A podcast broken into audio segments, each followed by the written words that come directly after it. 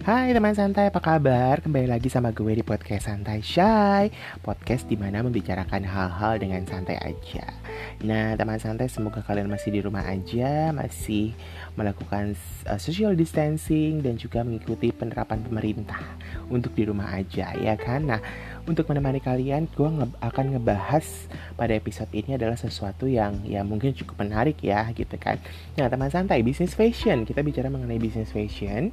Bisnis fashion retail menghadapi tantangan berat dalam beberapa tahun terakhir ini termasuk di 2019 Nah, sepanjang tahun 2019 ini banyak brand fashion retailer maupun departemen store yang terpaksa mengajukan bangkrut hingga benar-benar tutup. Persaingan bisnis dan pergeseran gaya hidup disinyalir menjadi beberapa penyebab terjadinya senjakala retail fashion. Ini 9 brand dan ini ada 9 brand ya dan bisnis fashion yang mengalami kebangkrutan selama uh, eh, 2019. Ini baru 2019. 2020 kan baru uh, sampai di awal-awal nih kita masih awal-awal 2020 lah hitungannya kan seperti itu mau pertengahan nah gitu jadi belum ada recap lagi mengenai brand-brand apa yang terpengaruh akibat COVID-19 di 2020 ini gitu pastinya ada dan nggak cuma bisnis fashion doang tapi hampir semua bisnis terkena imbas dari uh, COVID-19 ini. Oke, yang pertama adalah Roberto Cavalli. Pada April 2019, Roberto Cavalli mengajukan kebangkrutan Chapter 7 sebagai usahanya melindungi bisnis dari lebih dari 200 kreditor jadi seperti dilaporkan Fashion Law, brand asal Italia ini juga menutup semua toko yang berbasis di Amerika Serikat. Label Roberto Cavalli akhirnya dibeli oleh Damac, pengembang real estate pada Juli 2019. Perusahaan berbasis di Dubai itu membeli 100% saham dari brand Roberto Cavalli. Yang kedua adalah Barney's New York. Barnes New York mengajukan kebangkrutan Chapter 11 pada Agustus 2019. Seperti dikutip dari CNBC, Departemen Store yang berdiri pada tahun 1923 eh, ini menjual bisnisnya untuk pembiayaan kembali di tengah tingginya harga sewa dan penurunan penjualan. Barnes New York juga akan menutup 15 tokonya yang tersebar di Chicago, Las Vegas, dan Seattle pada 2020. Ini merupakan kali kedua Barnes New York mengajukan kebangkrutan yang pertama pada tahun 1996. Lalu yang ketiga adalah Sonia Rykiel. Pada, pada Juli 2019, brand high-end asal Prancis Sonia Rykiel mengajukan kebangkrutan setelah mengalami berbagai kendala untuk mendapatkan pembeli. Namun, toko fashion online Showroom Privé mengumumkan bahwa Sonia Rekil akan kembali ke industri ke industri fashion pada tahun 2020 gitu. Nah, aset Sonia Rekil ini dijual kepada Eric dan Michael Dayan, dua kakak beradik pendiri Showroom Privé.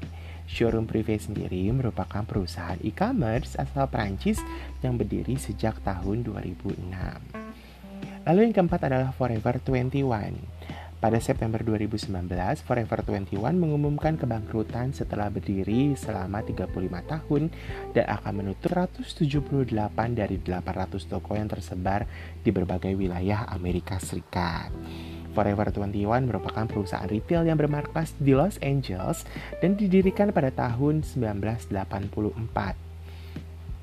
Uh, Forever 21 ini pernah merajai uh, pasar fashion dunia dan Forever 21 sempat memiliki 800 toko di 57 negara. Namun saat ini per 2019 dan 2000, uh, 2019 sampai dengan 2020, toko offline-nya tinggal 623 yang tersebar di 40 negara, termasuk di Indonesia mungkin ya. Tahu ada teman santai yang mungkin tahu tentang brand fashion ini, Forever 21 mungkin tahu di Indonesia ini uh, Forever 21 tuh udah di beberapa mall besar tuh udah menutup uh, gerainya ya di Indonesia sendiri gitu. Jadi gue pernah menemukan salah satu mall di Jakarta memang isinya adalah tinggal barang-barang diskonan dia doang gitu. Jadi dia kayak menghabiskan barang-barang stok yang ada di Indonesia aja gitu. Jadi udah udah nggak ada barang baru lagi gitu. Dan yang kelima adalah Payless. Pada Februari 2019, Payless menutup semua gerainya di Amerika Serikat dan Puerto Rico. Sebanyak 2.100 toko berhenti beroperasi mulai Maret 2019. Dilansir CNBC, kebangkrutan terjadi karena Payless memiliki utang sekitar 470 US dollar atau 6,6 triliun. Payless pertama kali juga pernah mengajukan pilot pada April 2017 dan menutup hampir 700 toko. Kebangkrutan tersebut membuat 16.000 pegawai dari retail sepatu yang telah ber berbisnis selama 63 tahun itu tuh kehilangan pekerjaan. Yang keenam adalah Diesel. Brand fashion Diesel yang terkenal dengan produk denim dan jeans menyatakan kebangkrutan chapter 11 pada Maret 2019. Perwakilan Diesel, Mark Sampson mengatakan bahwa brand asal Amerika Serikat itu tidak akan menutup, namun mengurangi sejumlah tokonya. Diesel USA tidak ada rencana untuk tutup, tapi berencana menutup 28, 28 tokonya. Gitu. Uh, dan Diesel mengajukan kebangkrutan karena mengalami kerugian yang besar akibat dari penurunan penjualan, sewa yang mahal, dan penipuan cyber. Lalu yang ketujuh adalah Charlotte Russo, retailer fashion asal Amerika Serikat yang berdiri sejak 1975 ini menyatakan bangkrut pada 28 uh, eh, maksud maksudnya itu adalah menyatakan bangkrut pada pada Februari 2019.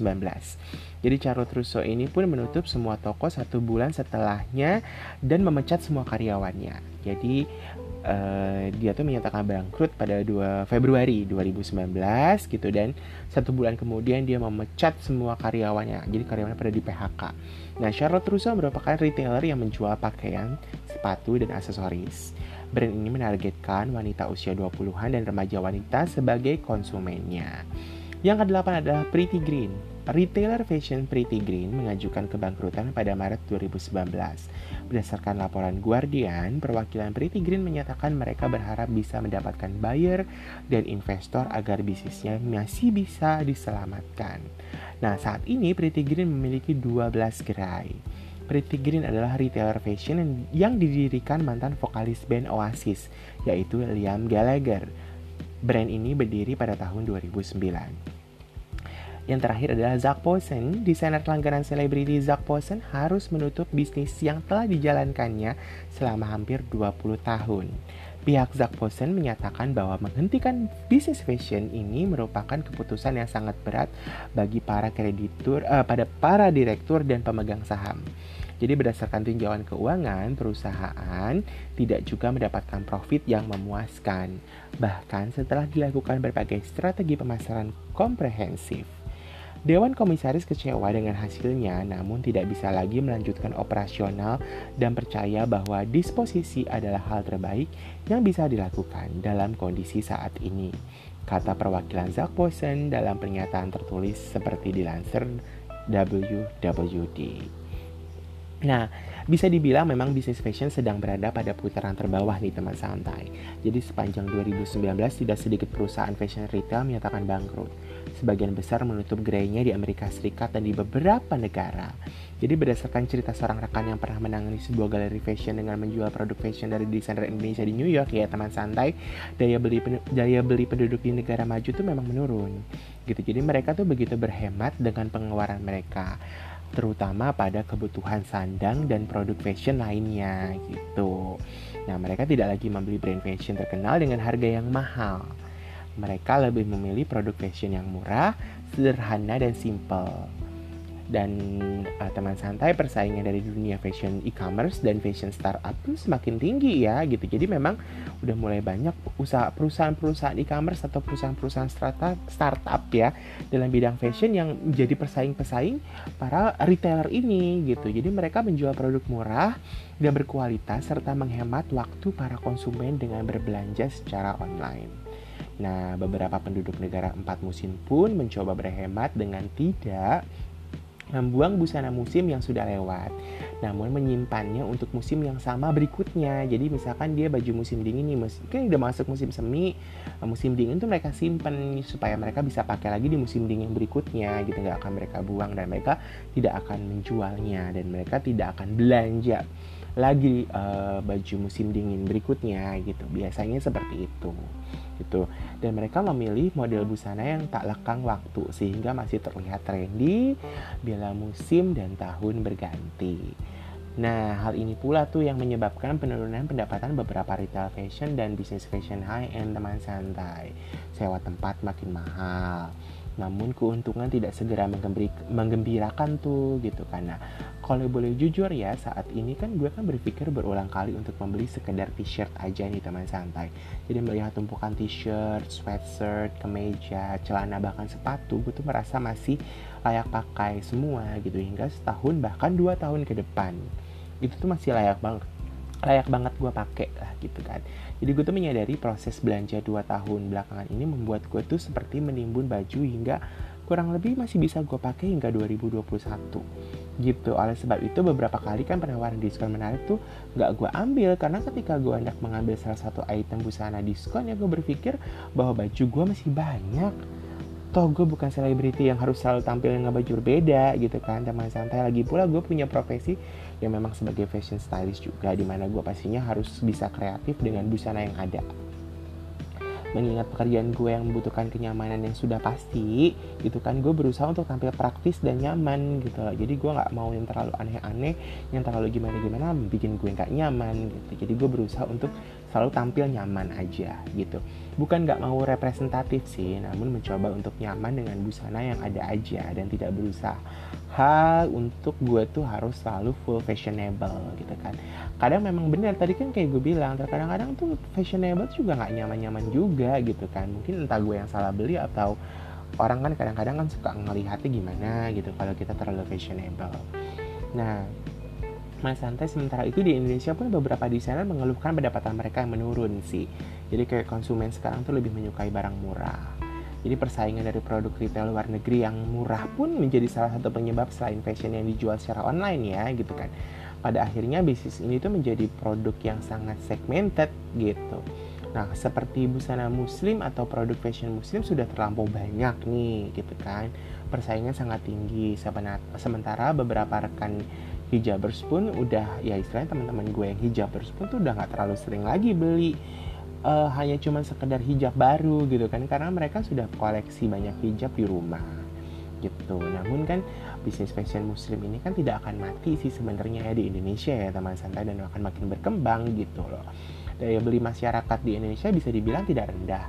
Namun masyarakatnya begitu mudah terbawa tren. Jadi kayak Indonesia tuh ya orang-orangnya tuh misalnya ada tren baru wah pasti akan akan booming akan heboh akan istilahnya akan ngikutin lah kayak gitu nah sehingga segala hal yang baru akan diburu Memang mall besar masih ramai dikunjungi karena saat ini masyarakat sudah bisa memilih.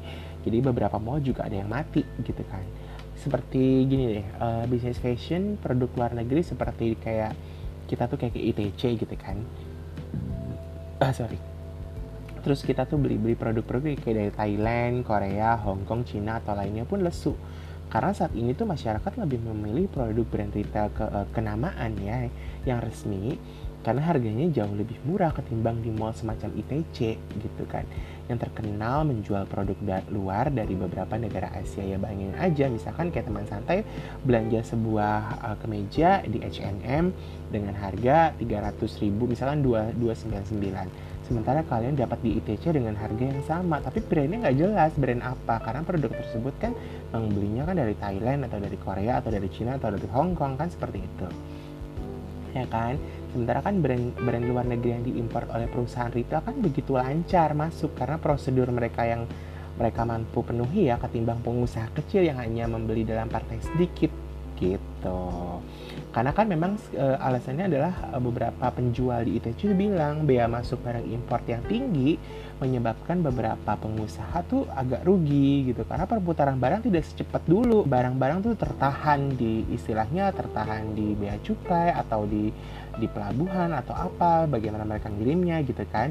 Karena pajaknya yang gede gitu. Makanya harganya tuh pun tidak terlalu uh, jauh berbeda dengan kalian seperti beli di H&M, di Zara atau di Pull and Bear atau di brand-brand yang seperti itu. Sementara di ITC harganya pun jadinya sama gitu. Jadi akhirnya tuh banyak banget. Kayak gue tuh beberapa dulu ya ketika gue masih uh, istilahnya masih kerja di, TV yang zaman dulu itu tuh gue kan kalau belanja baju tuh pasti ke ITC Kuningan. Gila sekarang ke ITC Kuningan kosong gak usah deh zaman COVID-19 ini ya. Sebelumnya deh gitu gue ke ITC Kuningan. Itu benar-benar kosong sepi banyak banget toko yang tutup. Jadi banyak toko-toko langganan gue yang udah nggak jualan lagi.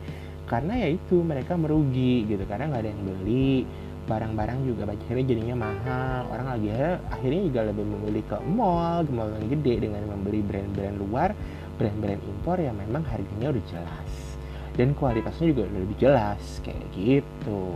Ya namanya juga bisnisnya teman santai. Kadang di atas kadang di bawah gitu kan. Jadi bisnis pun uh, seperti roda berputar terus. Tapi yang penting jangan jangan menyerah dan terus berusaha ya kan? Salam shantai shy